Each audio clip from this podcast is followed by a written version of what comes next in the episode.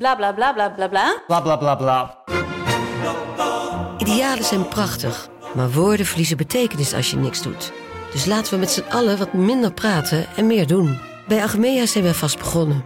Zo gaan wij voor minder verkeersslachtoffers, gezonde werknemers en duurzame woningen. Waar ga jij voor? Kijk op www.werkenbijagmea.nl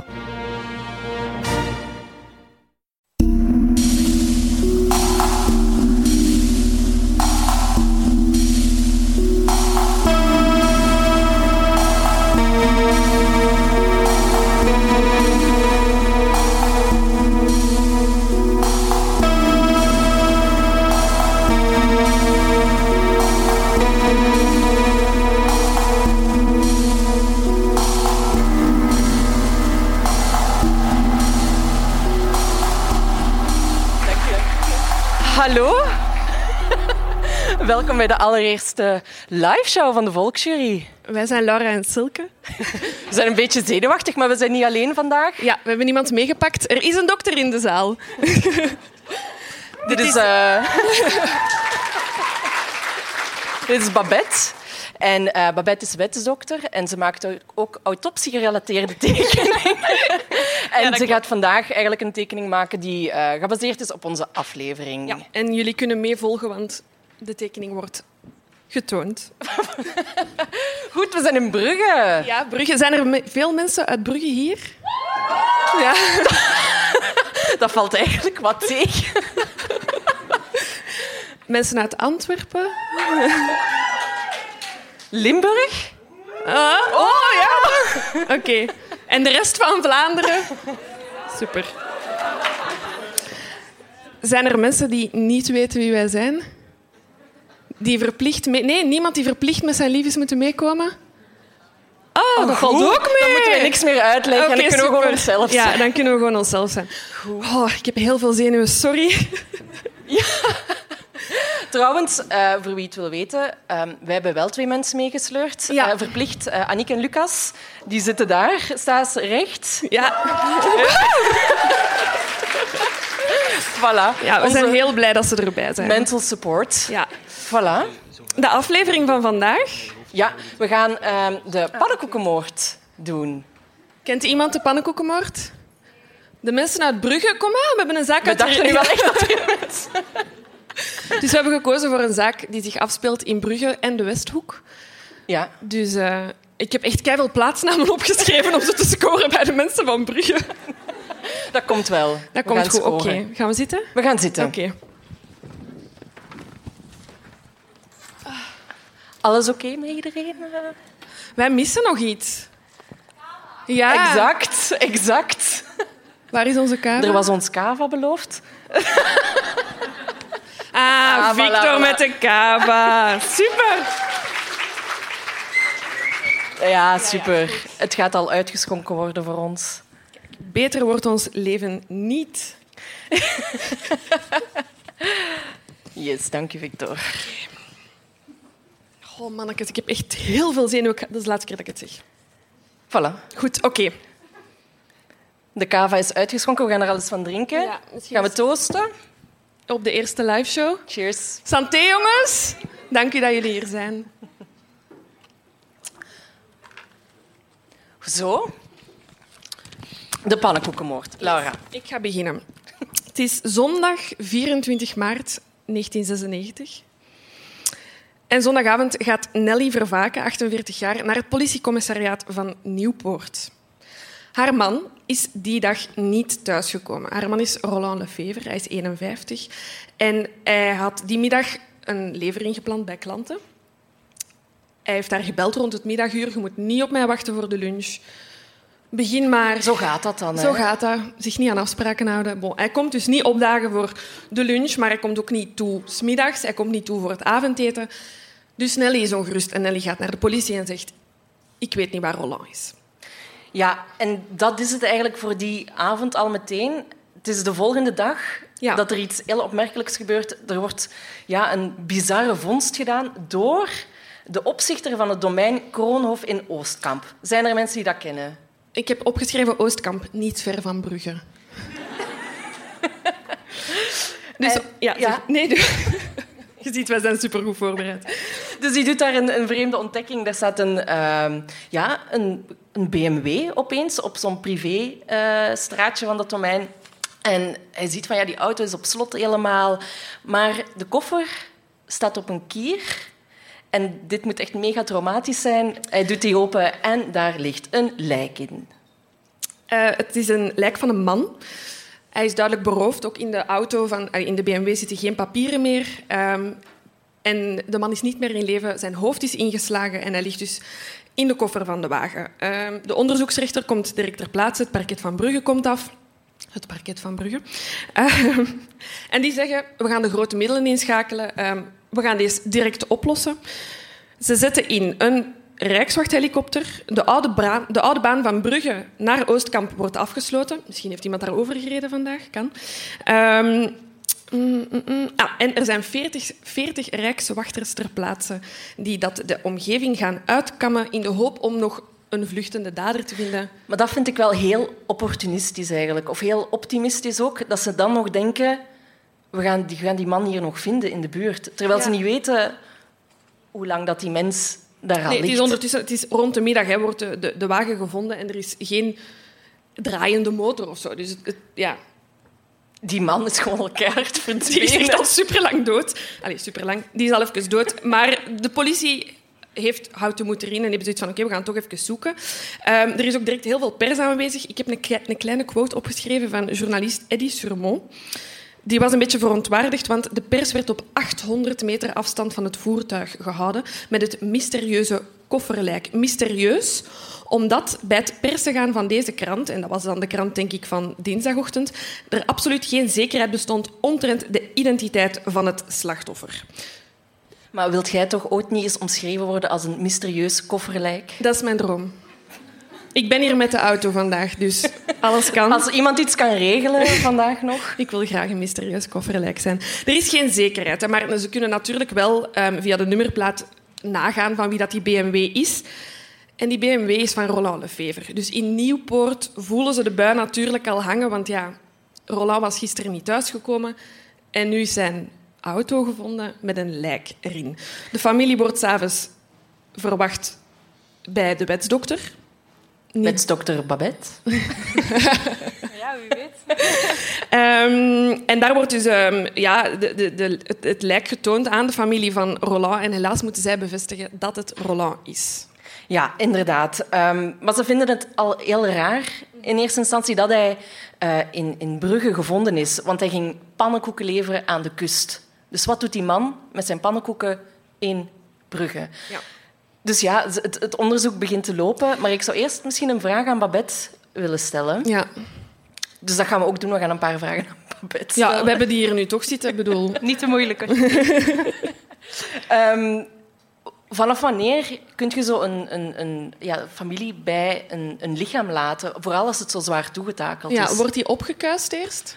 Ja, dat is natuurlijk het belangrijkste is bij zo'n zaak, het parket gaat of de onderzoeksrechter gaat dat lichaam onmiddellijk in beslag nemen. Um, en dat lichaam mag dan eigenlijk niet meer getoond worden aan niemand. Dus het eerste die moet gebeuren is dat het lichaam terug vrijgegeven wordt eigenlijk. Ja. En natuurlijk, um, ja, in deze zaak is dat nu iets anders, omdat er wel een identificatie moet mm -hmm. gebeuren. Nu vandaag wordt dat wel meestal op basis van ander andere zaken gedaan, vingerafdrukken, DNA. Gaat dat niet op basis okay. van de familie die ja of nee zegt zijn. Maar dus waarschijnlijk heeft Nelly de ingeslagen kop van haar man moeten... Dat weet ik niet. Dat, het lijkt mij waarschijnlijker dat er eerst een autopsie gebeurt. Ja. En we doen dat ook altijd op die manier dat dan nadien nog zo mooi mogelijk kan worden opgebaard. Mm -hmm. En dan wordt dat inderdaad schoongemaakt en pas daarna getoond aan de familie. Um, maar in principe, zonder de identificatie dan, uh, wordt een lichaam pas getoond als het terug vrijgegeven is. Dus als alle onderzoeken gebeurd ja. zijn. Ja. Dat is ook belangrijk, zeker bij, bij moordzaken, dat er DNA-staalname kan gebeuren. Ja. DNA die onder de vingernagels Dus zit of zo. Of... Zo gaan ze het niet zien. Nee, ik denk het niet. Want het is ook zo, de, de autopsie, ze, ze, komen niet heel veel te weten. Hè. Ze weten alleen dat zijn hoofd is ingeslagen, uh, meerdere malen zelfs, met een zwaar voorwerp. Dus dat is al bijzonder gruwelijk. En Babette, die nogmaals wetsdokter is, uh, nog een vraag voor Babette. Um, heb je al zoiets iets zodanig gruwelijks gezien als, als, het, als een hoofd van Roland? Ik weet natuurlijk niet hoe dat Roland zijn hoofd eruit zag. maar ik denk het wel. Ja, natuurlijk gruwelijk. Voor ons is dat niet gruwelijk, natuurlijk. Ja. Ehm, maar wat is gruwelijk? Als iemand met een jachtgeweer door het hoofd geschoten wordt, of zelf door het hoofd schiet, dan schiet er dikwijls niet veel niet meer over van dat hoofd. Dus Ja. in, in die zin, ja, gruwelijk, maar het is niet dat wij dat altijd zo Nee, ervaren, natuurlijk. Nee, nee, nee. oké. Nee, dus ja, ze weten inderdaad dat, ehm, ja, dus dat zijn hoofd is ingeslagen en dat er ook wel hè, dingen gestolen zijn. Ja. Inderdaad. Hè, de identiteitspapieren, al zijn geld, eh, de autosleutels. ehm, maar ze treffen ook eh, verschillende bloedsporen aan. Ehm, en ja, daar wordt eigenlijk ook ja, vingerafdrukken worden daarvan afgenomen, maar ze komen er niet aan uit. Nee, ze komen er niet uit. Dus ze staan eigenlijk gewoon voor een raadsel. Ja. Zullen we even Nelly en Roland Even Nelly en Roland. Nelly en Roland. Nelly Vervaken wordt op 12 december 1947 geboren in het West-Vlaamse Menen, in een bakkersgezin. Ehm, haar leven thuis draait echt, het is echt een dorpsleven dat ze heeft als jong meisje. Hè. Ze heeft een gezin, ze heeft één oudere broer, Jan, en haar ouders hebben een bakkerij.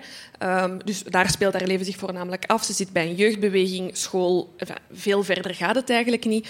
Dus waar leert, waar leert zo iemand Roland kennen? In de bakker. Roland is ehm, op zijn 17 leerjongen geworden in de bakkerij van haar ouders. En eh, op de leeftijd dat Nelly 17 is, slaat de vonk over en worden ze een koppel. Ja, en zoals dat toen dan gaat, ze trouwen ook Mhm. Ja, gewoon ja, ja, ja, ze zijn elkaars eerste lief en dat is dan klaar. Ja, en eh, ja, ze trouwen, er wordt een dochtertje geboren en nog een paar jaar later dan eh, een zoon. Ehm, maar ze werken ook keihard. Hè? Ja. En Roland heeft ook ja, dus bepaalde eh, ambities, pannenkoekambities. Ehm, Nu zijn we er bij de pannenkoeken. zijn we bij de pannenkoeken.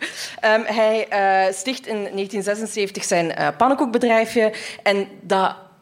Dat explodeert gewoon, dat bedrijf. Dat is niet normaal. Ja, Ik wist ja. niet dat pannenkoeken zo populair Ja, het zijn Dick Smuitse pannenkoeken, dat is van de streek. eh. Mensen die dat al eens gegeten hebben, dik smuit. eh. Zit hier Ah, iemand daar, met- ja. ja, ja, ja, Ja. ja. Mensen met een pannenkoekenbedrijf aanwezig? Nee, oké, goed. Eh, ja, Babette misschien ook pannenkoeken tekenen dan? Ze zouden beter een professionele pannenkoekenbakker hebben. Oh, dat, was nog een goed idee. geweest. Dat was goed geweest. Zegt ze nu. Ja, zegt ze nu.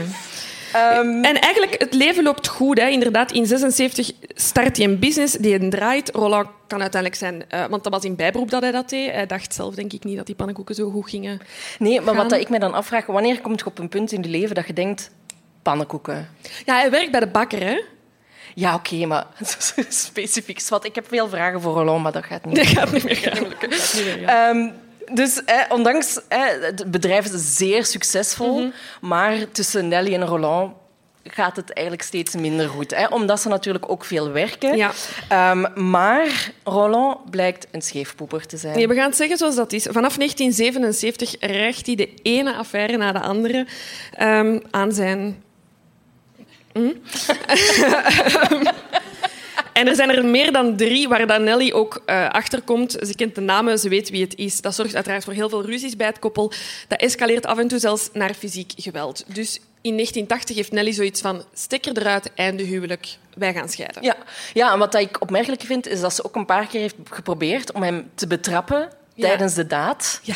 Maar dan, ja, er, er staan helaas verder geen details bij over hoe dat dan in zijn werk is gegaan. Heeft ze zo in de kast zitten wachten totdat Of Roland... zo zeggen, ik ben thuis om vijf en dan om vier uur dertig. Exact, exact, exact. En wat ik ook nog wil zeggen over dat fysiek geweld. ehm, er is niet duidelijk uit de artikels die we hebben gelezen, Nee. ook heel veel van het belang van Limburg. eh om Heel of raar? Dus het belang van. Limburg overbruggen. Exact.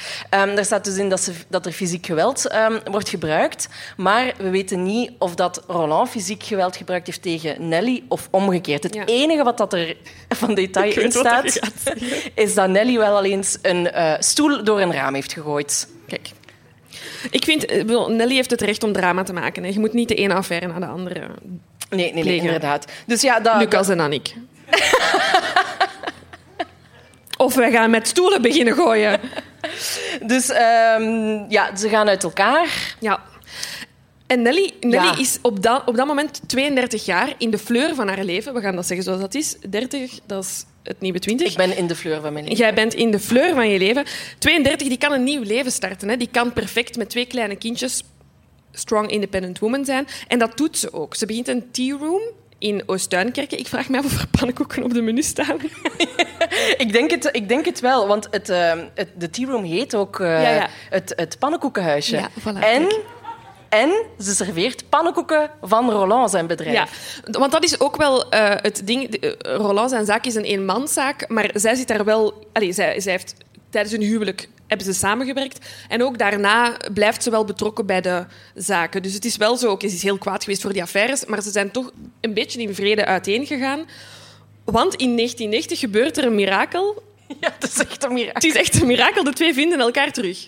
Ze gaan terug samen. Dus na een break van tien jaar um, beslissen, ze om, beslissen ze om zich terug te verzoenen. Um, enerzijds voor de business, geven ze zelf alle ja. twee toe. En voor de kinderen, dat is natuurlijk altijd beter. Ja, ja inderdaad. Um, nu terug naar vlak na de feiten.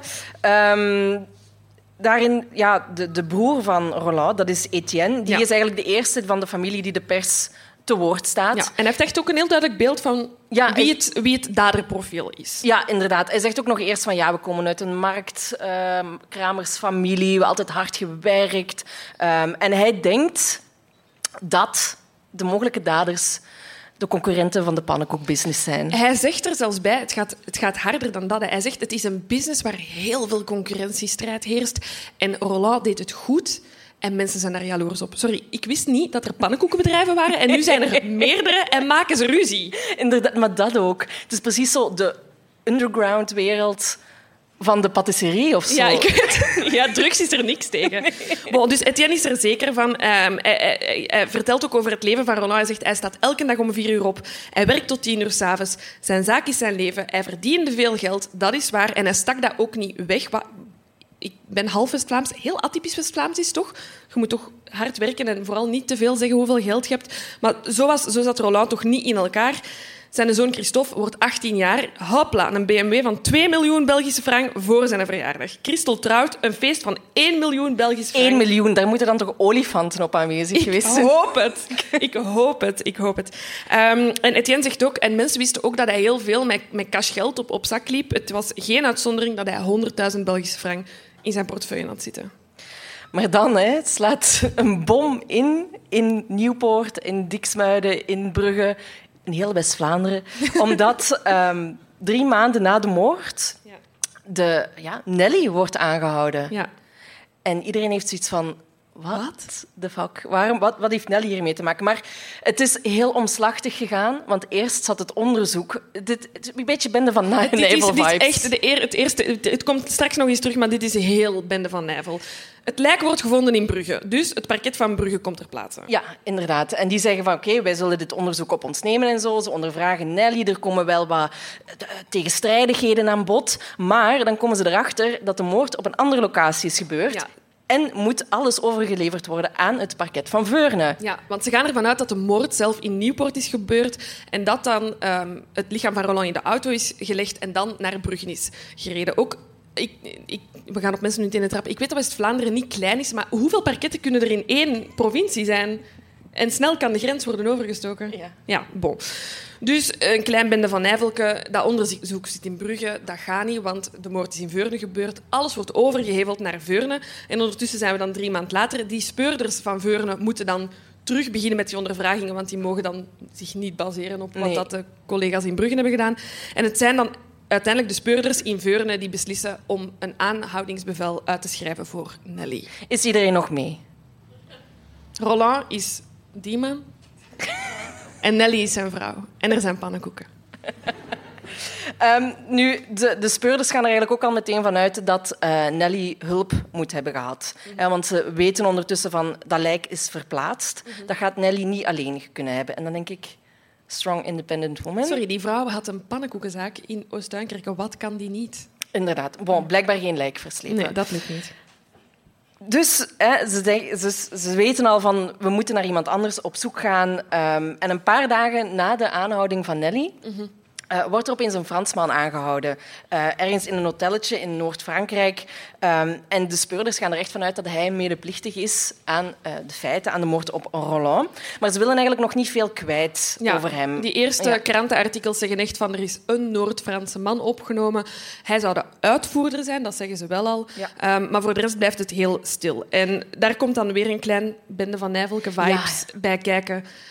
Want Frankrijk zegt en dat is blijkbaar de wet. Uh, wij leveren geen onderdanen uit die dat een uh, misdaad hebben gedaan. Die worden in ons land berecht. Dus die Noord-Franse man kan niet voor de rechter verschijnen en mag ook niet ondervraagd worden op Belgisch grondgebied. Dus als de speurders met hem willen praten, moeten ze naar Frankrijk gaan. En uiteindelijk, de arrondissementen raken allemaal een beetje in zink. Ja. Wat was het? Brugge en Veurne delen dan toch documenten met elkaar en zo.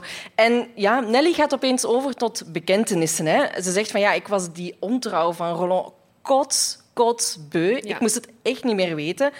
maar dan komt die theorie van strong independent woman toch op het schavot te liggen. Ja. Ze durfden het niet alleen uit te voeren. En daarom is, heeft ze contact gezocht met Nicolas Horan. Ja. En dat is die jonge werkloze Fransman um, die dan ook een drugsverslaving blijkt te hebben, geldnood had. Ja. Um, Hoe kennen ze elkaar? Ja. Nelly kende dus eigenlijk uh, Nicolas via zijn lief Nathalie. Ja. En ze hadden eigenlijk ja, twee jonge kindjes, um, waarvan eentje met het syndroom van Down. Uh, ze konden moeilijk de eindjes aan elkaar knopen. En toen Nelly dan in de teamroom werkte in Osduinkerke, kwam Nathalie daar regelmatig over de vloer. En de twee werden eigenlijk boezemvriendinnen. Ja, hele goede vriendinnen. Want dus um, uh, Nathalie en Nicola um, hebben uh, twee kindjes samen. En van het oudste kind is Nelly zelfs doopmeter. Hè? Um, dus je kunt Nathalie wel beschouwen als een van de beste vriendinnen van Nelly. En ik vermoed dat, dat Nelly ook wel haar hart zal hebben gelucht bij Nathalie. Um, over die ontrouw die dan dus ook na de breuk en dan de hereniging gewoon terug is opgestart. Hè. Roland had gewoon um, na 1990 ook gewoon nog altijd heel veel minaressen. Um, en het is dus zo dat Nelly Nicola heeft leren kennen en met hem in gesprek is gegaan over die moordpogingen. Ja, en Nicola wordt natuurlijk ook ondervraagd door de speurders, maar het is echt het is Nelly versus Nicolas. Ja. Ze, ze, ze, hebben eigenlijk alle twee een andere versie van wat dat er gebeurd is en hoe dat ze op het punt zijn gekomen om Roland uh, te vermoorden. Ja. En eigenlijk tijdens het onderzoek is al snel duidelijk dat, dat die twee versies ook niet tegenover elkaar gaan kunnen worden gezet, want Frankrijk houdt voet bij stuk en die hebben zoiets van nee, Nicolas blijft bij ons. Hij krijgt hier zijn rechtszaak, trekt Gellenullenplan met Nelly um, en zie maar. Dus eigenlijk de, de, de rechtszaak of het onderzoek van, van Nelly daar kunnen ze zich wel baseren op, op, op dingen die, die Nicola heeft gezegd, maar hij zal nooit kunnen getuigen in een rechtbank of zo. Ja. Um, dus, dus voor het onderzoek van Nelly moeten ze zich... De burgerlijke partij kan wel zeggen dat ze niet akkoord zijn met wat Nelly zegt, maar in de rechtbank zal Nicola nooit mogen gaan getuigen. Zullen we even zeggen wat de twee versies uh, Heel zijn? goed idee, ja. Dus uh, Nelly eigenlijk houdt vol dat het een passioneel drama was. Het ja. was in het moment gewoon gebeurd dat ze dacht, ik ben een beu, um, ik ga het nu uitvoeren. He, dus dat er eigenlijk geen voorbedachtheid ja. bij betrokken was. Ik denk dat Nelly goed geadviseerd is door een advocaat. Inderdaad. Um, en Nicola, ja, die zegt natuurlijk dat er uh, iets helemaal anders is. Um, hij zegt van ja, uh, Nelly zou mij al in 1995, hè, dus een jaar voordat de moord gebeurd is, al gecontacteerd hebben om, om, mij, allee, om steun te bieden bij de moord. Um, en ze zouden samen niet minder dan 13 moordpogingen hebben beraamd, um, waarvan sommige ook getest zouden zijn. Um, Nicola heeft ondertussen ook heel veel geld gekregen al mm -hmm. van Nelly.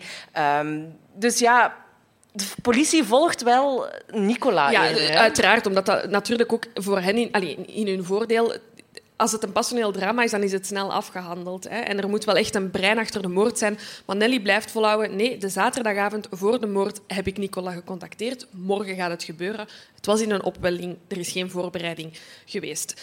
Dat onderzoek loopt en loopt. Maar de politie heeft echt zoiets van... Wij moeten die twee toch met elkaar kunnen confronteren. We moeten toch op een of andere manier die tegenover elkaar kunnen krijgen. Maar Frankrijk zegt, nee, doen we niet, doen we niet. Hij blijft in ons land. Maar België zou België niet zijn. Nee. Als ze geen goede oplossing hebben gevonden. Het is vrijdag 8 november 1996. En in de historische hoeve Groot Moerhof in de Pannen. Kent iemand dat? Ik wil zeggen dat dat nog, nog steeds een, uh, een restaurant is. Ik heb dat gecheckt op Google Maps. Ik heb de menukaart geraadpleegd. Het ziet er niet slecht uit. Staan er pannenkoeken op het menu? Er staan zeker pannenkoeken. Ook kaaskroketten, daar was ik geïnteresseerd. Um, de historische hoeve Groot Moerhof uh, in de pannen voor al uw feesten, klein en groot, die staat op een zeer interessante locatie. Want het is een, een vierkantshoeve en een van de benen van de vierkantshoeve loopt over de Belgische-Franse grens. Je, je voelt ons aankomen, hè? De politie zet daar een tafel neer. Twee poten in België en twee poten in Frankrijk. Ik ben niet aan het lachen, dit is echt gebeurd. Er worden aan de kant van Frankrijk mobiele toiletten geplaatst, aan de kant van België mobiele toiletten geplaatst. Voor noodsituaties. Voor noodsituaties. Er werd dus niks aan het toeval overgelaten en die twee kregen elk een plek aan de kant van de tafel. I kid you not. En die zijn daar dan dus geconfronteerd geweest en de pers brengt het hele verhaal van ze zijn op zoek gegaan naar een plek om de confrontatie aan te gaan en dan worden die resultaten niet meegedeeld. Nee, er wordt niks gezegd over wat er gezegd is. Dus daar kunnen wij ook niks mee. Daar kunnen we helaas niks over vertellen. Er is achteraf wel um, een, een nieuwtje, een, een interessante feitje. Ook Bende van Nijvel-achtig. Heel Bende van Nijvel-vibes. Want um, ineens verschijnt in de krant dat de Veurnse, Veurnse onderzoeksrechter aan Nicola heeft geprobeerd om hem toch over de Belgische grens te krijgen. Ja. Dus um, die twee... Ik, eh, ik was er niet bij, maar zo stel ik mij voor. Die zitten aan die tafel te praten. En, en die Veurnense... Die zijn moeilijk Veurnense? Veurnense? Veurnense? Is er iemand van Veurne? Hoe zeg je dat? Nee, Veurnense. Veurnense. Onderzoeksrechter...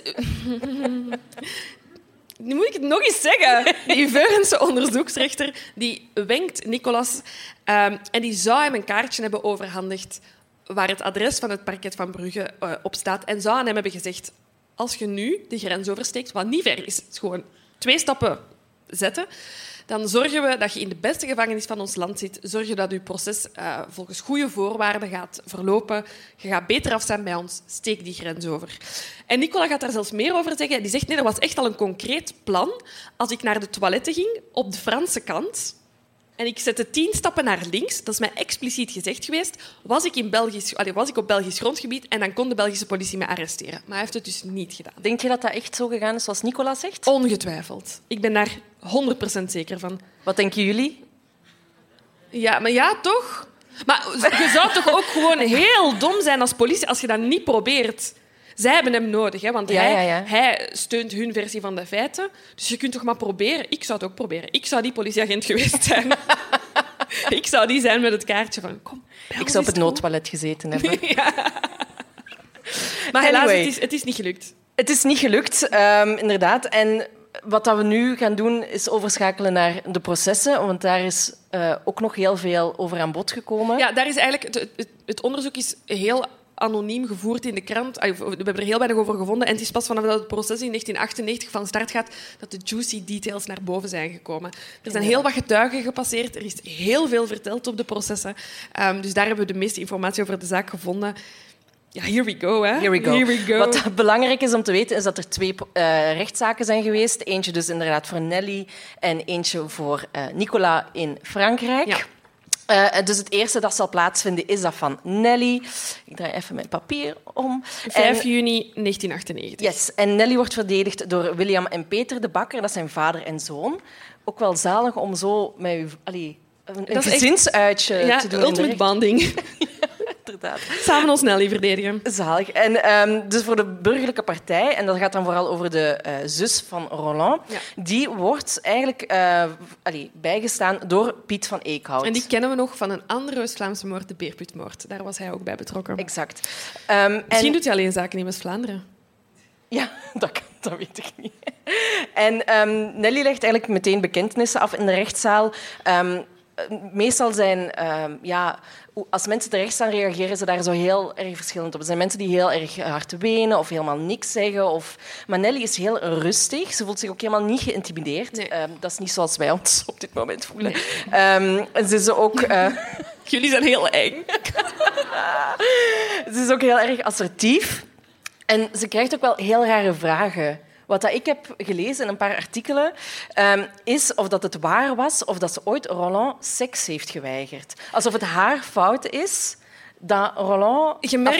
Ja, je merkt eigenlijk heel hard in de artikels eh, dat, we, eh, dat we van ver komen. We komen van heel Eh, we ver. komen he- van heel ver. Het is 1998 en de, de journalisten focussen... Allee, ze willen, en dat begrijp ik, Nelly heeft een moord gepleegd, dat heeft ze ook bekend, maar ze willen haar echt als de fakes afschilderen. En er wordt bijna publiekelijk in de krant alle ontrouw van de wereld van Roland vergeven. En dat wordt echt afgeschilderd als dus een belachelijk motief. Ja, ja, ja inderdaad. Zo Dus wordt Het zou echt bijna Nelly haar fout zijn geweest. Of het is gewoon Nelly haar fout. Ja. Maar zij zegt inderdaad van nee, ik heb nooit seks geweigerd met hem. Alsof zo van consent was blijkbaar ook nog geen sprake die tijd. Ehm, en ze zegt van ja, het enige wat dat ik niet wou doen waren zijn zotte manierkens. Zijn zotte maniertjes. Zijn zotte maniertjes. Ehm, zoals die keer dat hij verlangde dat ze voor hem zou paraderen in lingerie. Of seks zou hebben met hem in een bad gevuld met champagne. Kijk. Dat gaan we zo laten. Maar, eh, maar ik, Roland mag dat voorstellen Maar en zij mag dat weigeren. En daar, dat is gewoon iets tussen hen. En dan moet, ik vind niet dat dat zo in een rechtszaak... Ik vind wel, ik ben heel blij dat, dat, Ja, ik dat, ben- ja, dit, voor nu dat dit gezegd is. Voor nu is het heel goed, maar ik snap niet... En nu zo naadloos overgaan. Heeft er al iemand seks gehad in een bad met champagne? Nee. Ja, ik zie daar toch een... eh, Nee, Daar zijn wat vingers. Super. nee dus, dus het, het, het- ik vind... De, het zal ook weer de tijdsgeest zijn van toen eh, dat, dat Nelly... Ja, ongeacht... hè, wat het, het vonnis is, Ja. ehm, zich wel heel erg moet verdedigen waarom Ja. eh, Roland ja, die affaires heeft gehad, terwijl dat er gewoon helemaal niet toe doet wat Nee, de oorzaak nee. daarachter zou en zijn. de dingen die Nelly vertelt gaan ook wel echt verder dan, dan de affaires. Hè. Ehm, Nelly en Roland hebben een, een goed draaiend bedrijf. En zij zegt, ehm, ik zie hem geld uitgeven en, en, eh, met, zijn, zijn geld smijten als hij bij zijn minaressen is. Ook super pijnlijk. Zij weet dat, hè, dat hij dan dure hotels boekt en daar chic mee gaat eten. En zij zegt, en ik moet overleven met 1000 euro per maand. Daar moet ik alles mee gedaan krijgen. De last van de kinderen viel volledig op mijn schouders. Ehm, hij dreigde af en toe zelfs ehm, eh, om, het bedrijf te verkopen, alle winst tot, bij hem eh, te nemen en, en, en niks aan de kinderen achter te laten. En ze zei, ja, daar raakte bij mij wel echt een gevoelige snaar, want dat zijn wel onze kinderen. Wij werken hard om hen iets te kunnen geven. En als jij nu begint te dreigen om dat af te nemen aan mijn kinderen, dat is een stap te ver. Ehm, dus ze, ze, ze licht eigenlijk wel toe wat dat haar motief is. Ja, ze wil gewoon niet dat hij het bedrijf ook gaat verkopen, naar Ja. het buitenland zou trekken Ja. met die minaressen. Ehm minaressen, ik spreek niet meer met, met zijn minares.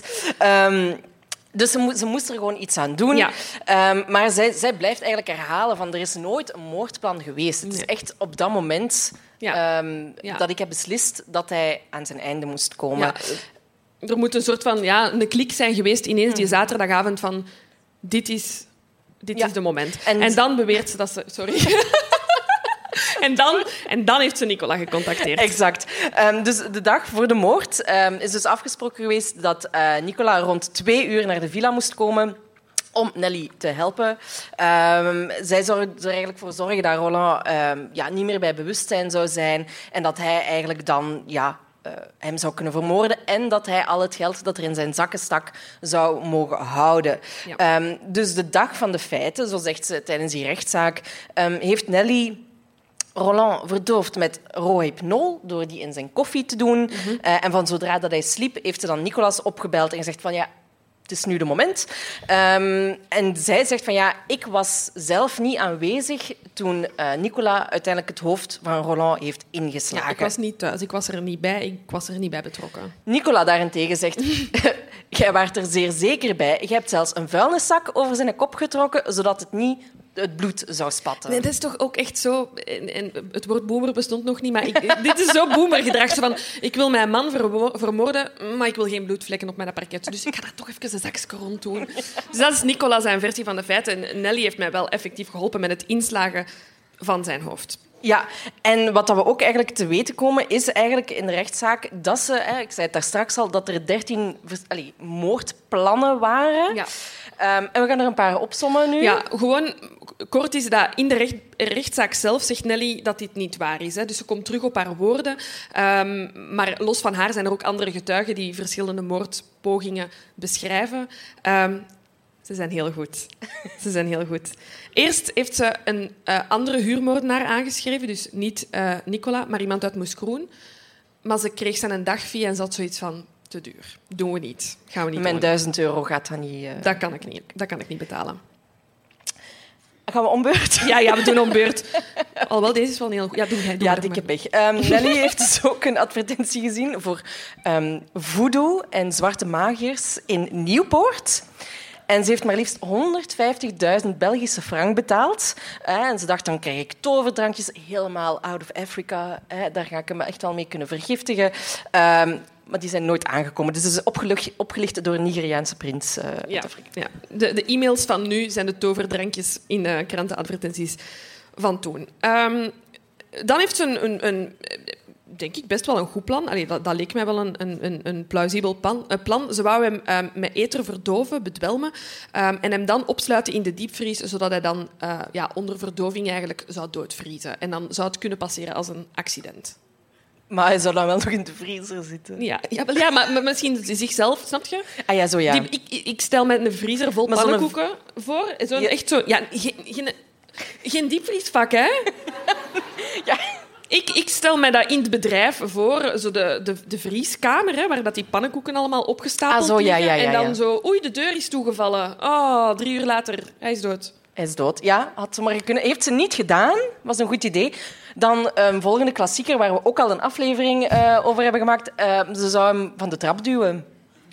Eh, Echt instant classic. Ik vraag me af, ze heeft niet aan een uil gedacht. Nee, jammer, het zit er niet tussen. Had ook nog gekund als Ja, wat dat ze allemaal van ja, plan is geweest. Ook eentje, die, de volgende, die bij mij een belletje deed eh, rinkelen. ehm toen mij denken aan de zaak Jespers uit Gent.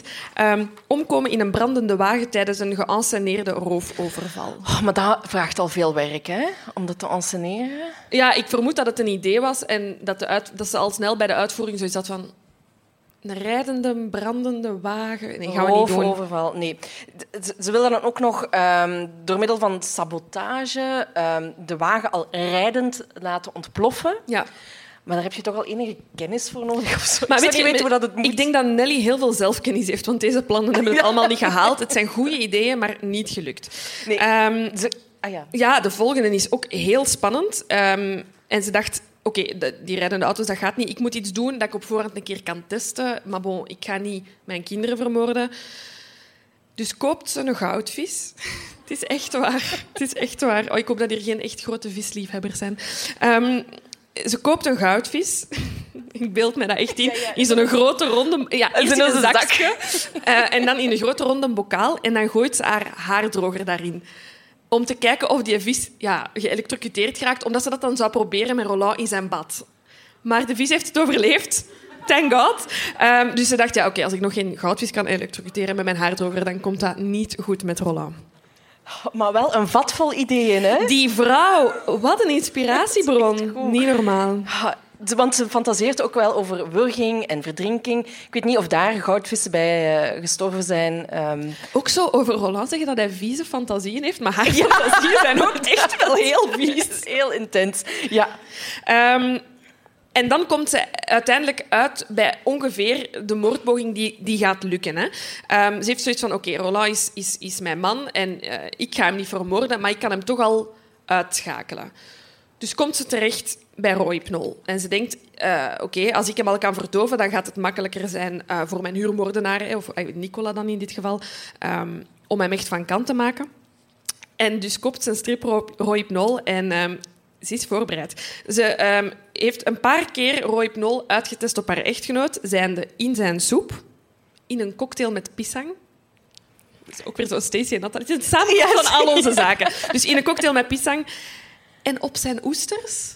Wat? Maar ja, eet jij dat graag oesters? Ik eet dat heel graag. Nee. Oké, maar, maar Anyway. hoe, doet je, maar, maar hoe, Anyway, doet je, anyway. hoe, hoe, hoe mengt je Rohypnol met oesters? Oké, dat ziet er al slijmerig en, en lelijk uit, Is maar... dat zo? Ik weet niet hoe dat eruit ziet. Allee. Wat doe eens nog? Ah, Ah, ik bedoel, Ah, dat zijn pillen, hè? Dat zijn pillen, hè? Dus een oester is een schelp en daarin... Wilt je ook voordoen hoe dat je dat eet? Nee, dat dacht ik al wel. Anyway, we move on. Ja, maar nee, nee, ik wou nog even... De testresultaten waren niet bijster eh, goed, want ehm, hij heeft twee van de drie keer alles uitgekotst, maar niet in slaap gevallen. Ehm, dus eigenlijk is het een geluk bij een ongeluk dat het gelukt is op de noodlottige dag.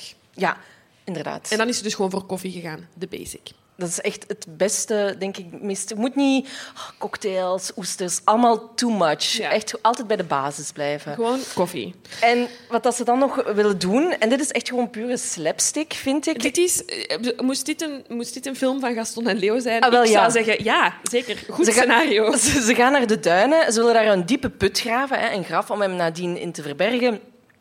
Maar dat zand is niet stevig genoeg. Je weet, iedereen heeft wel eens een put in de duinen gegraven. Dat valt terug dicht. Ja, dus ze hadden die put gegraven, echt als in, we graven die nu en over drie dagen komen we dat lijk erin ingooien. Maar ze was dan nog eens gaan kijken en dan was de put weg.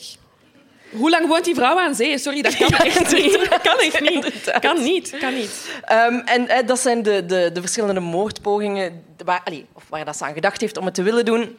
Ehm, en de politie komt in de rechtszaak ehm, met bewijs naar voren ja. dat ze wel degelijk die Roy Pnol heeft toegediend aan Roland en dat hij dus vermoord is geweest in de villa, daarna in de auto is gelegd en dan eh, verplaatst is geweest. Ja. Ehm, zo is er eh Rohypnol in zijn maag eh, gevonden.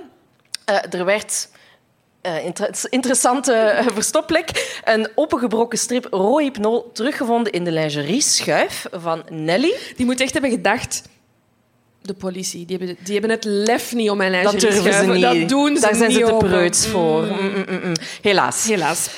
En dan worden er ook nog eh, in de villa eigenlijk heel veel eh, ja, bloedsporen teruggevonden. Hè. Die waren schoongemaakt trouwens.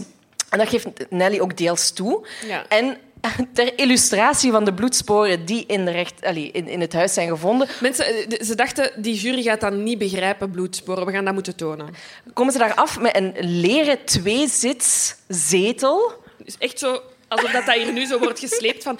Dit is een zetel en hier zat bloed op. Dit Dat- is bloed. Dit is opgekuist, maar je ziet het toch nog. En dit is het overtuigingsstuk. Ehm, maar er werd dus ook eh, bloed gevonden op de schouw, eh, de muur achter de schouw eh, en in de slaapkamers boven. Ja. En dat is allemaal gevonden met luminol. Maar dan denk ik, what the fuck hebben die allemaal gedaan met dat lijk of wat, met dat bloed? In Wel, zoveel maar- locaties. Gelukkig zit er een wetdokter naast ons. Inderdaad. Zet je microfoon maar wat dichter. Ja. Hoe ver spat bloed? Krijg je al het bloed weg dat je ziet of niet ziet?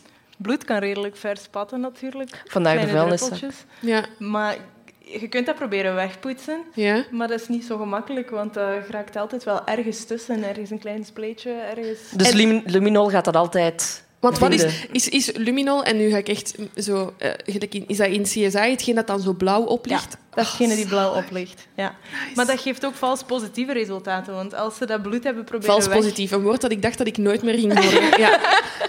Als ze dat bloed met Javel hebben proberen wegpoetsen, Javel gaat ook oplichten met die luminol soms. Dus als, Maar dan worden er natuurlijk nog verdere testen gedaan. Exact, ja, ja, ja. dus als je je zetel onderkotst en je eh, kuist die met luminol, dan kun je moordverdachte worden. Met Javel. Met Ja, met Javel, ja, Ja. niet met luminol. Ja. Ja, in principe wel, maar goed. Dat zal alleen maar in, in eerste fase zijn, natuurlijk. Ja. Maar het is heel moeilijk om alle sporen op, uit te wissen van bloed. En hoe wel dan? Allee, ik heb geen plannen, maar... Ik denk dat dat, dat dat zeer moeilijk is. Heel goed poetsen, veronderstel Gewoon ik. buiten de, buiten soms de worden er nog tot jaren nadien zelfs Ja? oplichtende bloedvlekken teruggevonden. Jaren Dus nadien. jaren nadien kan. We moeten echt... We moeten even... We moeten beter brainstormen. Exact. Maar wat ik mij ook nog afvroeg, ehm, is dat of dat je iemand dan ook proper zijn hoofd kunt inslaan, Babette? Is dat... Is dat... Eh, Allee, om verder even te brainstormen over... eh, Dat hangt er natuurlijk een beetje van af. Hè. In principe kun je wel een schedelfractuur veroorzaken zonder dat er daarbij een, een huidwonde hoeft te zijn. En hoe dan? Ehm, maar dat, Is, je Dat moet zal- niet lachen, dat zijn allemaal handige tips. tips dat zal tricks. vooral zijn als het met een groot oppervlak is. Als je met een groot oppervlak, Zoals? of als bijvoorbeeld iemand nu valt met zijn achterhoofd pal op de grond, Ja? dan kan dat zijn dat er een, een schedelbreuk is met een hersenbloeding en dat die persoon dood is, maar dat er daar uitwendig niks aan te zien is. Natuurlijk, als je met een loden pijp Ja. slaat en je slaat Ah, meerdere keren. Ja? dan zal er wel bloed aan te pas komen. Dan, Het was een lode pijp, jongens. Het was een. Oh, sorry. Nee, nee, dat is keigoed. Dat is keigoed. Dan, dan is dat maar het was gewoon een voorbeeld, hè? Ja, ja, ja. ja, ja, ja, ja, ja. En er is nog uh, bewijs dat ze hebben uh, tegen, uh, tegen Nelly. Um, er, er zijn ja, kennissen van het koppel ja. die eigenlijk... Die de vuile was komen buiten. Ja, eigenlijk wel. Die zeggen van ja, um, Nelly had ze zijn terug samengekomen na tien jaar na hun scheiding. En die zeggen van ja, ze had eigenlijk enkel oog uh, voor die overname van het bedrijf. Hè. Dus van liefde was totaal geen sprake meer. Nelly rook geld. Ja, ze heeft ook um, drie dagen na de moord de eenmanszaak van haar man um, omgeschakeld naar een BVBA. En ze heeft zichzelf hoofdaandeelhouder gemaakt en zaakvoerder voor onbepaalde tijd. Zelf zegt ze daarover dat ze daar niet heeft omgevraagd. Hè, want ze was op, op het moment, drie dagen na de dood, was ze nog geen verdachte. Um, dus zij zei van, ik heb daar zelf niet om gevraagd. Het was voor praktische redenen. Mijn kinderen waren te jong, dus ik kon de zaak ook nog niet aan hen overlaten life must go on. De pannenkoeken moeten gebakken worden. Ik bedoel, er moet iemand leiding... Wat zit jij mij uit Ja, maar je hebt gelijk. Die pannenkoeken worden wel verkocht, hè? Exact. Dus zij zei, nee, ik heb gewoon voor praktische redenen dat bedrijf overgenomen. Ja, en dan um, komen er eigenlijk een paar getuigen aan bod ik vind het een mirakel dat er getuigen zijn. het is een mirakel. En, opnieuw een mirakel. Het is opnieuw een mirakel. Bijna want, een heilig verklaring. ja, want we hebben die zoektocht gehad, zoektocht gehad heel in het begin. Hè, dat ze die helikopters hebben ingezet op zoek naar de dader. Niks gevonden. Maar ze vinden dan wel drie getuigen drie, die, naar, drie. Die naar voren komen. Um, en uh, in, een, in, een van de artikels vond ik het heel uh, grappig omschreven dat um, potentiële daders toch maar moeten oppassen voor uh, hotelmedewerkers en taxichauffeurs. Um, want de eerste getuige die aan bod komt is receptionist Wim de Vos, werkzaam bij het Brugse Novotel. Kennen jullie het Brugse Novotel? Ik ga blijven, blijven dingen uit West-Vlaanderen aanhalen. en hij zegt... Die zondagavond, uh, iets na tienen, uh, is er een verdacht individu ons hotel binnengekomen. Uh, hij was helemaal opgewonden, zijn gezicht zag het helemaal rood. Um, en hij had ook een wonde tussen, ja, op zijn voorhoofd. Op zijn voorhoofd, ja. Uh, en is naar de toiletten gegaan om dat uit te spoelen. Louche gedrag. Ja. Zijn kleren waren ook wat vuil. Um, raar. Dus Wim de Vos heeft dat in zijn hersenen opgeslagen die dat individu vraagt om hem een taxi te bellen. Um, en dat is meteen ook de tweede getuige. Dat is taxichauffeur. Wat ik nog wil zeggen over... Um, ik dacht dat het niet ging gebeuren, maar hier zijn. Um, de, de, de, de, de verdachte hè, die wordt ook omschreven door Wim als uh, een beetje een babyface. Een beetje babyface, oké. Okay. Ah ja, oké. Okay. Dus nee, dat, is het. Ja, dat was het. Oké, okay, oké. Okay, dat viel nog wel mee. Hè? De tweede uh, getuige is taxichauffeur Victor Herpoel. Hij is de persoon die dus voor, uh, door Wim wordt opgebeld um, om dan uh, ons verdacht individu, van wie dat we trouwens nu, ik ga hem niet meer verdacht individu noemen, het is Nicolas, hè, jongens. Um, dus um, die Nicolas komt ophalen in de Novotel in Brugge. Um, hij bevestigt die wonden in dat gezicht. Um, hij zegt dat zijn passagier enkel Frans sprak en dat hij van plan was om naar Kokzijde te gaan, maar de taxichauffeur moest hem gewoon afzetten aan het station van Brugge en daar ging hij de trein naar Oostende nemen. Ja, en dan Oostends taxichauffeur. Ja, ja. Dus het, het, volgt elkaar wel allemaal goed op. Uh, Gilbert de Maagd, denk ik dat je het uitspreekt. Ja. Um, hij zei van ja, mijn bestemming was... Uh, Maar in Nieuwpoort-Bad zei hij dan alweer van ik ben hier ver genoeg. En um, zijn portefeuille zou mij, hij zou mij goede flappen hebben betaald. Goede flappen van 2000 Belgische frank. Ja, en het is aan de hand van die drie getuigen dat tijdens het onderzoek eigenlijk een robotfoto uh, wordt gemaakt ja. van Nicola. En zo konden de speurders hem dan uiteindelijk uh, vatten in uh, Noord-Frankrijk. Ja, want dat is eigenlijk opmerkelijk. Um, Nicola is gevat voordat Nelly is overgegaan ja. tot bekentenissen. Dus aan de hand van deze drie mannen en de opmerking babyface en litteken in het gezicht was voldoende om hem te vinden in Frankrijk. Ja, heel zot. Chic, goed gedaan. En er komen nog een paar uh, zeer interessante getuigen ja. aan bod over Nelly en uh, Roland.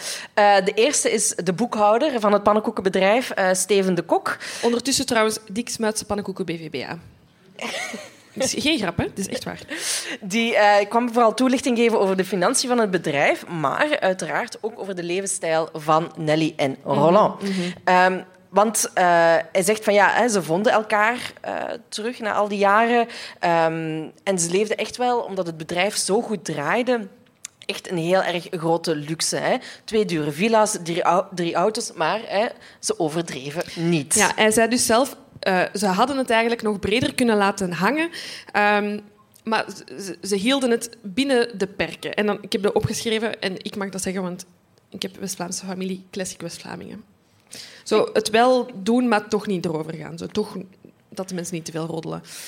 Maar geroddeld werd er. Er werd wel veel geroddeld. Ehm, nu, ehm, Steven, de boekhouder, die was eigenlijk op het moment dat Roland verdwenen was... eh, er eigenlijk rots was van overtuigd dat Roland ontvoerd was. Ja. En die had het geniale plan... Waarom zetten we geen cassettespeler naast de telefoon? Maar een geniale plan. Ik denk dat die mens echt schrik had om te missen dat zijn baas ging worden teruggevonden. Dus die zegt echt tegen Als- ja, de receptionist van zet daar maar snel een cassetterecorder dat als je die een telefoon krijgt voor het losgeld, dat je het goed hebt Ja, ja, ja, absoluut. Dus eh, binnen het bedrijf ook was iedereen ervan overtuigd of dat hij inderdaad door de concurrentie was vermoord of dat er ja, losgeld ging worden gevraagd omdat het zo'n goed draaiend bedrijf was. Ja, en dan is er eh, goede vriendin eh, Marie Delvaux. Goede, de, goede vriendin, sorry, ze, dan neem ik nu wel even in twijfel. Goede vriendin Marie Delvaux komt even roddelen in de rechtbank. Zij is de buurvrouw eh, in Oost-Duinkerke. En ehm, ze, is op zich wel beleefd. Hè. Ze zegt niks aan positieve kwaliteiten. Eh, Nelly is altijd goed geweest voor haar kinderen, heeft goed gezorgd. Ehm, een fijne vrouw. Maar na de moord heeft ze mij toch wel iets gevraagd. Ja, ik ga dat nu toch even moeten... Ver... Ik zie dat zo voor mij. Marie die dan zo in...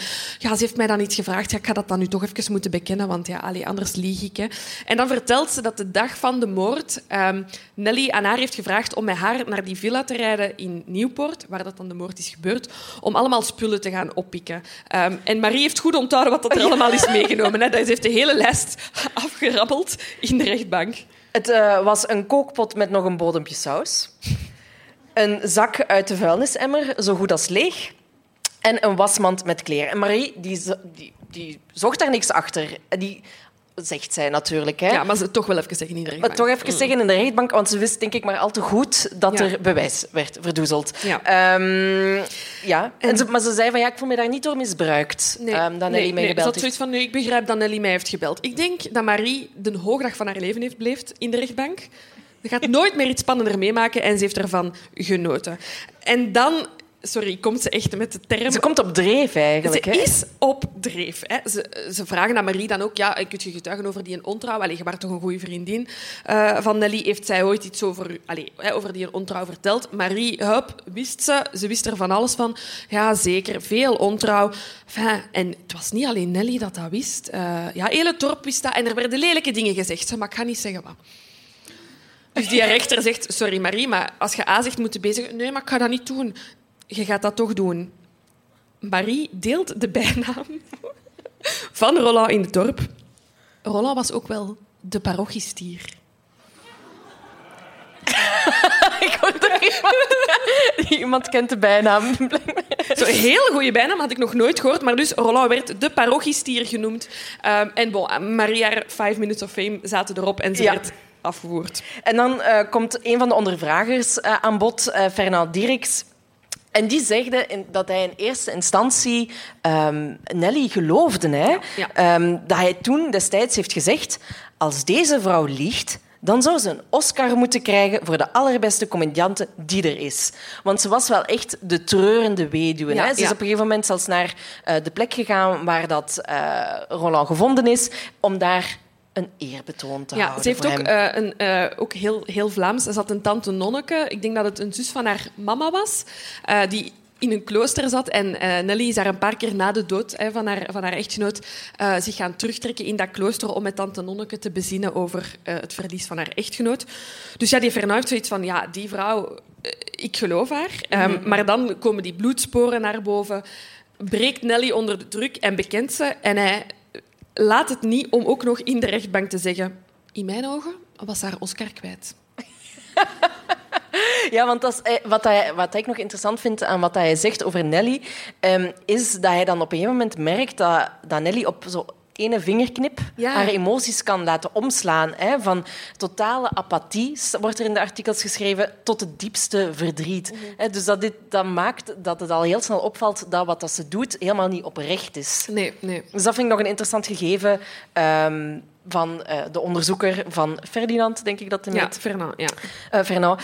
Ehm, en dan komt nog eh, Nathalie de Metz aan het woord. En er werd eigenlijk heel erg uitgekeken naar haar getuigenis. Ja, Zij werd echt. eigenlijk een beetje omschreven als de kroongetuige. Ja, want zij is dus, Nathalie is de, de vriendin van Nicolas, allee, de partner van Nicolas En de en de boezemvriendin. van hem. Ja.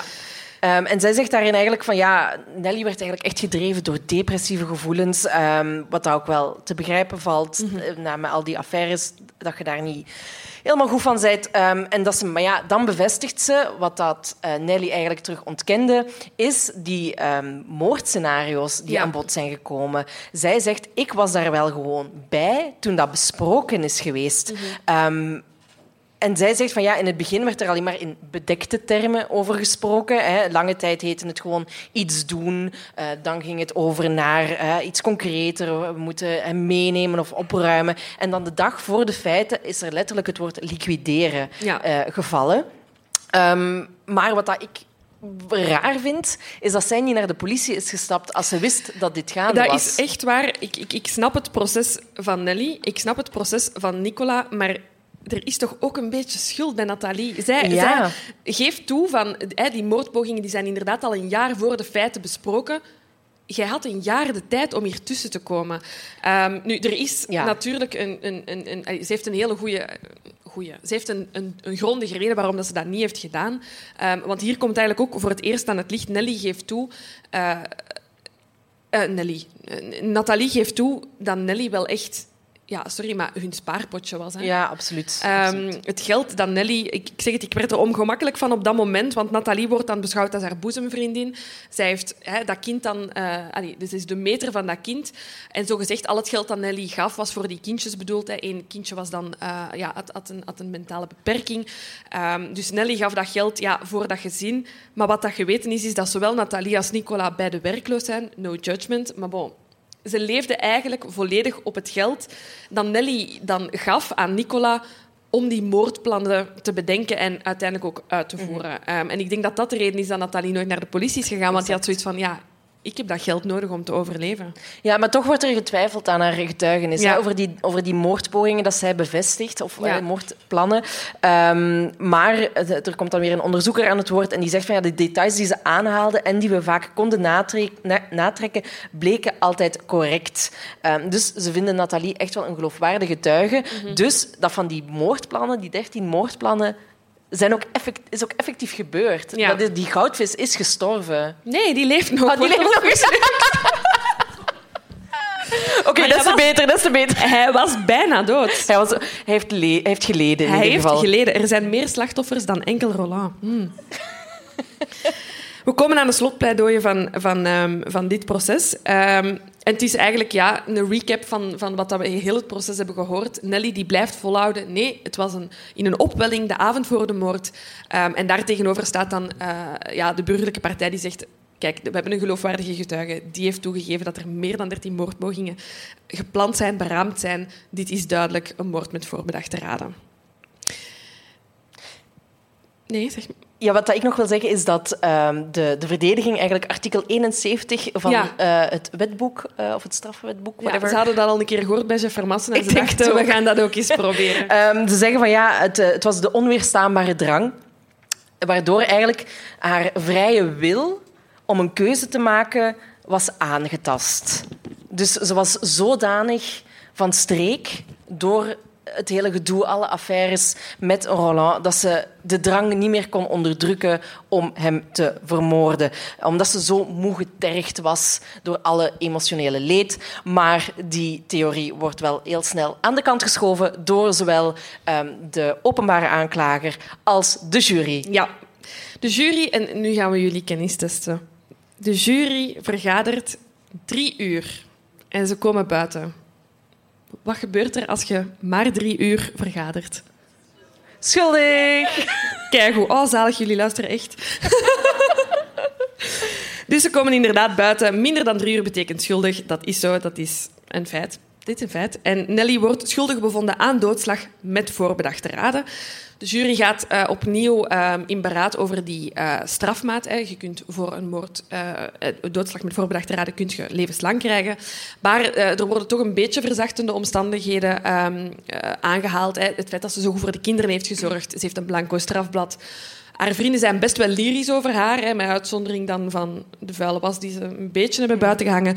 Dus ze krijgt uiteindelijk 20 jaar cel. Ja, ik wil even nog eens gewoon bij Babette checken. Ja, ik wil het ook. Het, Wauw. Wauw. Kijk, wij, wij lullen een uur en dat is dat. En dan kun je dit ook doen. Heel mooi. Ja, heel mooi. Dank u. Ik zie We gaan ah, ja. Babette verder laten Ja. doen. Oh, ik zou hier uren naar kunnen kijken. Oh, jullie kunnen hier gewoon naar kijken, zalig. Oké, we gaan verder. We gaan verder, want dan is het proces van eh, Nicola eh, aan bod. Ehm, dat is een half jaar later. Ja, Ehm, 27 januari 1999. ja, die is dan ondertussen ook nog maar 27. Ik weet niet of we dat al gezegd hadden. Jonge gast. Zo, zo jong. Ja, ehm, en dat proces gaat uiteraard door in Noord-Frankrijk. En de vraag bij Nicola is eigenlijk... Waarom heb je dit gedaan? Je hebt zo lang altijd de boot afgehouden. Je hebt meegedacht over die moordplannen, maar oké, tot daar aan Er toe. is gebrainstormd, maar er waren geen contracten getekend. Hè. Jij kan nog stoppen. Je kan nog stoppen en hij is er toch mee doorgegaan. En hij geeft eigenlijk aan... Ja, ik wist het... Allee, ik weet eigenlijk zelf niet waarom dat ik ermee ben, ben doorgegaan. Ik ga in zijn plaats antwoorden. Geld. Die man had op dat moment, dus voordat de moord gebeurde, al 1 miljoen Belgische frank gekregen van Nelly. Sorry, dat is, het is echt schaamtelijk. Ja, en ik denk dat hij op dat moment gewoon bang was, of bang, eh, bezorgd was over het feit dat zij misschien zou gaan aangeven voor afpersing, mocht hij er niet Ja. mee doorgaan. Eh, en dat hij dan dacht, moord is beter. Ja, hij zegt zelf, ik heb 1 miljoen Belgische frank gekregen en ik wou doorgaan tot ik 3 miljoen Belgische frank heb gekregen. Dat zijn drie trouwfeesten van de dochter van Roland. Hè. Ja. Ik wil even... Perspectief, Ja. hè? Ehm, maar sorry, ja, zijn motivatie is heel, heel duidelijk geld. Ehm, hij, hij, hij kampte met verslavingsproblemen, hij was werkloos. Ehm, ze hebben twee kleine kindjes waar veel zorg voor was. Geld was zijn motivatie. Ik heb hier nog een klein bende van Nijvel-vibe tijdens, Ja, tijdens het proces. Ehm, want dus, ja, eh, het proces van Nicolas speelt zich af in Frankrijk. Maar het onderzoek eh, van de dood van Roland is in België gevoerd. Dat hebben ze dan wel gewoon gekopieerd, de Fransen. En het verslag van de wet- wetsdokter wordt... We gaan nu met rust laten, Babette. Maar het verslag van de wetsdokter wordt... ehm, wordt voorgedragen. Ehm, en de advocaat die Nic- Nicola verdedigt, die zegt... Ja, sorry, maar welke amateur heeft die autopsie gedaan?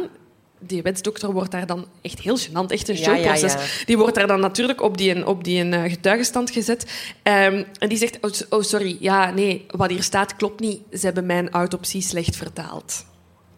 Wat? Ze hadden dus een fout moordwapen en ook het aantal slagen op, het- op het hoofd klopte niet. En ja, daar probeerde de advocaat van Nicola dan zo wat, ja, rond te werken van ja, er is slecht bewijsmateriaal. Ehm, maar bon, dat is uiteindelijk niet gelukt. Eh, ik vond het pleidooi van de advocaat van Nicola wel heel ehm, goed. En moest ik daar in de jury zitten, ik was helemaal mee geweest. Ja, Want hij... Zalig, die muziek. ja. ja. Heel tof. Ehm, hij opent zijn pleidooi met de zin... De doder mag niet beter af zijn dan het... Nee, sorry. Het brein mag niet beter af zijn dan de doder. En hij pleit dus met de overtuiging dat ehm, de straf van Nelly al gekend is. Zij heeft 20 jaar gekregen. En hij, legt dan aan de jury de wet Lejeune van België uit. Hij zegt, kijk, zij heeft 20 jaar gekregen, maar ze gaat maar een derde van haar straf moeten uitzitten, want ik ga ervan uit dat ze zich goed gaat gedragen en ze heeft een blanco strafblad. Dus die vrouw gaat vrijkomen na zeven jaar. In Frankrijk eh, liggen de regels anders. Je hebt geen wet Lejeune, wel een soort gelijke wet. In Frankrijk kun je na de helft van je straf eh, vrijkomen. Dus hij zegt, je moogt, je onze, onze huurmoordenaar toch niet meer straffen dan het brein achter de moordzaak. Dus hij pleit voor 12 jaar, want na de helft van de straf zou je dan kunnen vrijkomen. Dat is dan zes jaar. En dat is dan toch een jaar minder dan Nelly. En de jury volgt hem volledig. En Nicola wordt, wat dat dan blijkbaar best weinig is, voor 12 jaar veroordeeld Ja. ehm, voor doodslag. Ja, hij was, er werd eigenlijk 15 tot 18 jaar eh, gevraagd. Ja. Ehm, hij heeft ook nog een paar ehm, eh, bizarre details vrijgegeven over hoe dat ze dat lijk van Roland verplaatst hebben. Ze hebben hem dus, hè, ze hebben de bloedplassen zo goed als kan opgeruimd. Eh, en ze, zijn dan met, hebben- ze hebben het lijk in de BMW gelegd. En ze zijn naar de tuin gereden van de dochter van Nelly. En ze wilden- hier gaan ze niet zoeken. en ze wilden het lijk daar begraven, maar er waren kinderen in de tuin ernaast aan het spelen. Dus ze dachten, geen goed idee, abort mission, Maar ook we in move de on. tuin van u... Want dan vraag ik me af, is dat Ja. Nelly haar idee in de tuin van uw dochter? Dan maakt je die direct half medeplichtig slash verdacht. Exact, ja, ja. Heel bizar. Dus Heel ze, erg. ze zijn dan naar kokzijde gereden. Ehm, blijkbaar zat Nelly aan het stuur, want ze kreeg eh, een paniekaanval. Heeft bijna een ongeluk veroorzaakt. Nicola heeft dan het stuur overgenomen. Is in de file terechtgekomen op de snelweg. En dan denk ik, je zit met een lijk in je auto en je staat in de file. Maar ook, doe eens een accident met uw auto en dan zo, ja, uitstappen, papieren, zit er iets in uw koffer? Nee. Slachtoffer van het ongeluk. Ja. dat, dat is Dat, maar dat hadden ze nog kunnen doen, die gewoon zo voor de auto Inderdaad. Inderdaad. Ehm, dus eh, hij is dan verder gereden. eh, en hij reed eraf in Oostkamp, ja, want het was file, dus hij dacht ik pak de eerstvolgende afrit. Ehm, en in een bos, hè, daar waar dat de auto dan uiteindelijk gevonden is, eh, is heeft hij zich klemgereden in de modder. En hij zegt, ja, toen wist ik dat het voorbij was. En ik heb ook nog geen moeite meer gedaan om het lijk te verbergen. Ik heb het gewoon gelaten voor wat het was. En vanaf die dag leefde ik in afwachting van mijn arrestatie. Ik, ik, ik zou hem ook wel nog graag vragen waarom hij de auto op slot heeft gedaan. Ja. En de koffer open heeft gelaten. Zo van, ging iemand, wat- dacht je? Dat iemand die ging pikken? Of Ja. de auto op slot, dat ze zo eerst testen en dan de koffer, zodat het lijk gevonden ging worden. Ja, daar heb ik eigenlijk helemaal niet over nagedacht waarom dat ze die auto op slot hebben gedaan. En ook waar in dit hele gedeel Nelly is uitgestapt. Ja, ook al. Want ze was niet mee in Brugge, dat weten we. Hij was alleen. Ze, was niet mee, ze is niet gezien door de hotelreceptionist. En die heeft goed opgelet. Ja, die heeft dan waarschijnlijk de bus of de taxi teruggenomen. Hè? Veel vragen voor Nelly. Veel vragen, ja.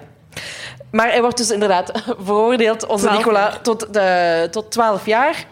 Ehm, tum, tum, tum.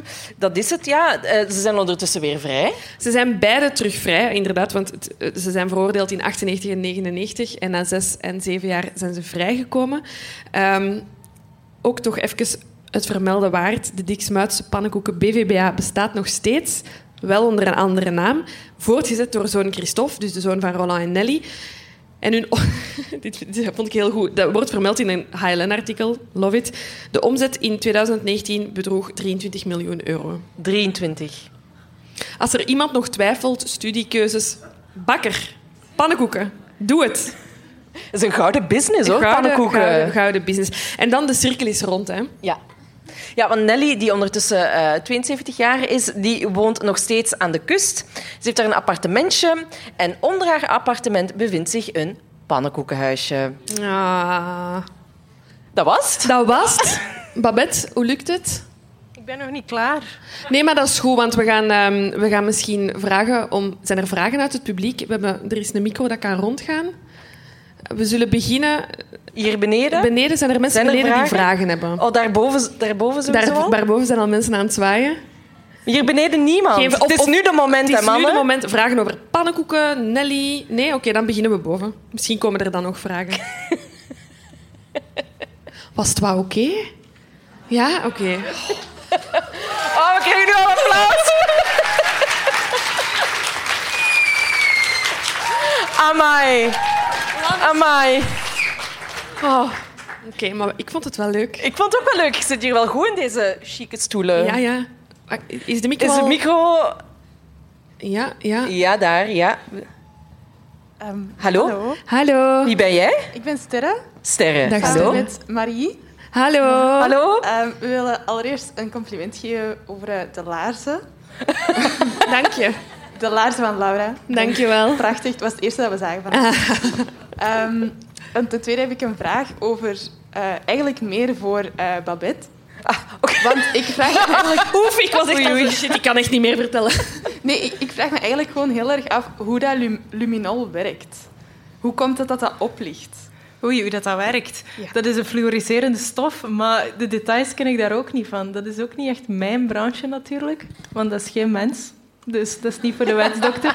Alle vragen geen over dode mensen, daar.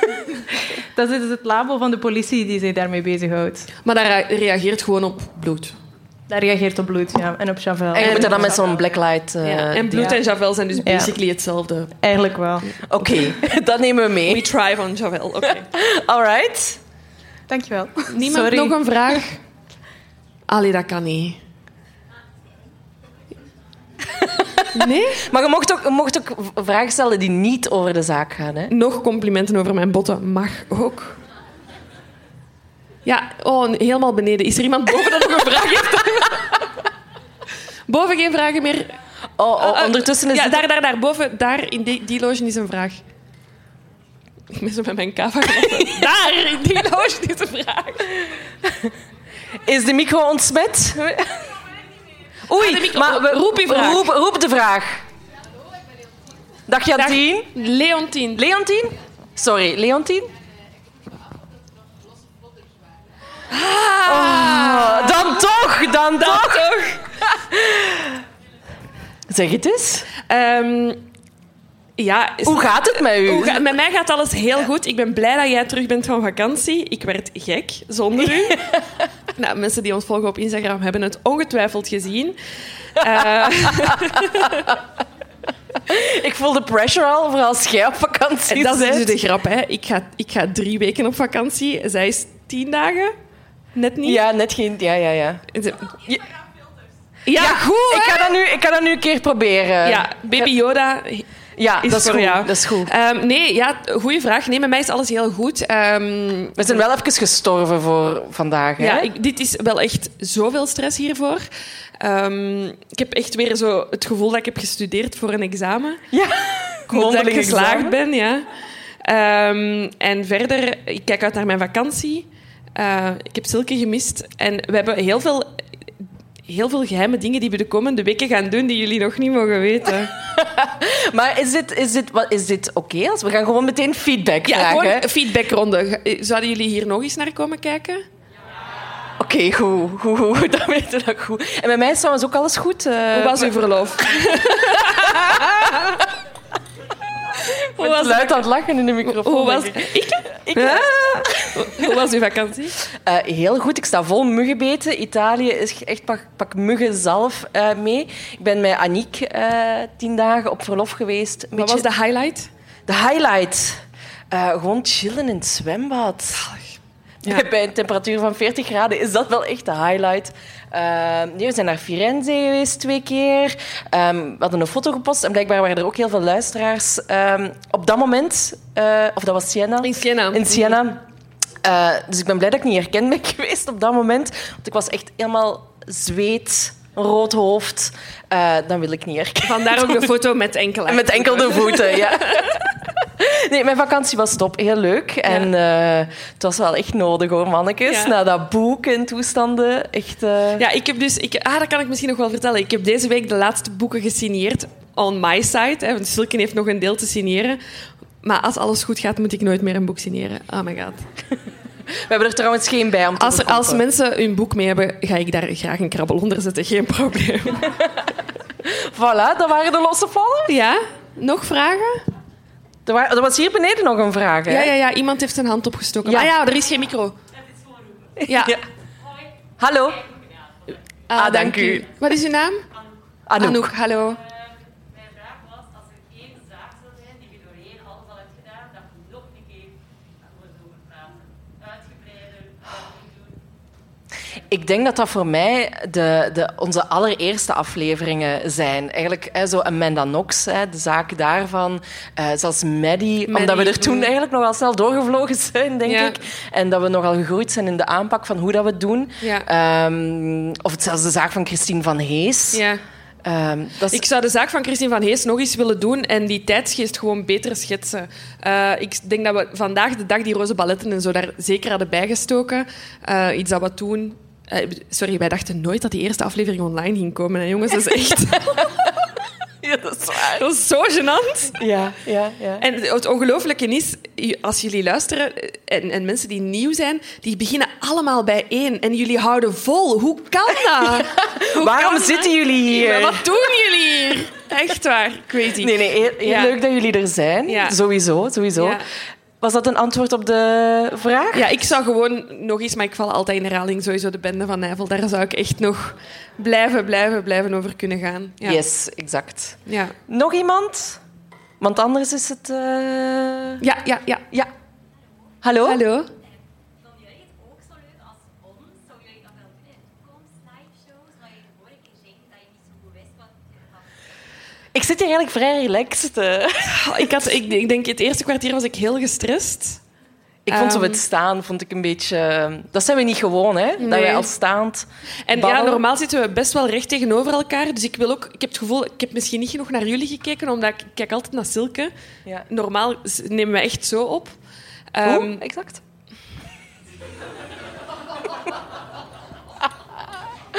We eindigen op een positieve noot. Hè? eh, eh, maar ik heb ook nog één vraag.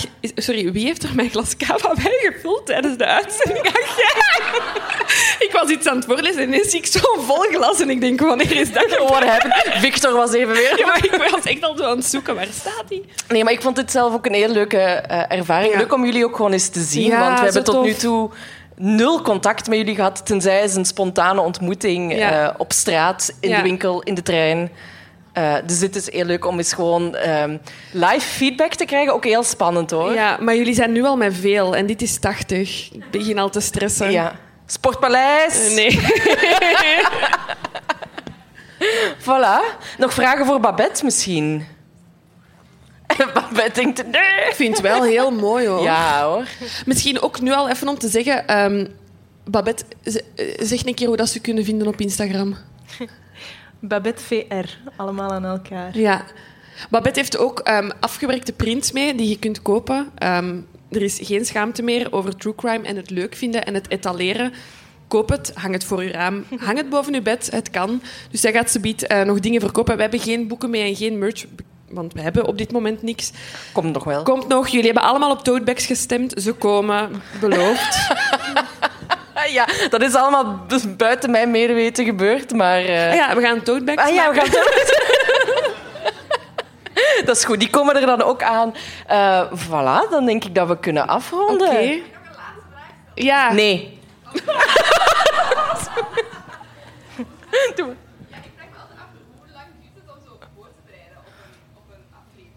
Ik denk dat we daar toch makkelijk een dag eh, voor moeten uitrekken. Maar bon, dat is dan na onze job, s'avonds, in het weekend. Eh, ik denk dat we toch makkelijk... Als ik nu bekijk voor nu... Ze zijn die muziek luider aan het. Ja, zo afronden.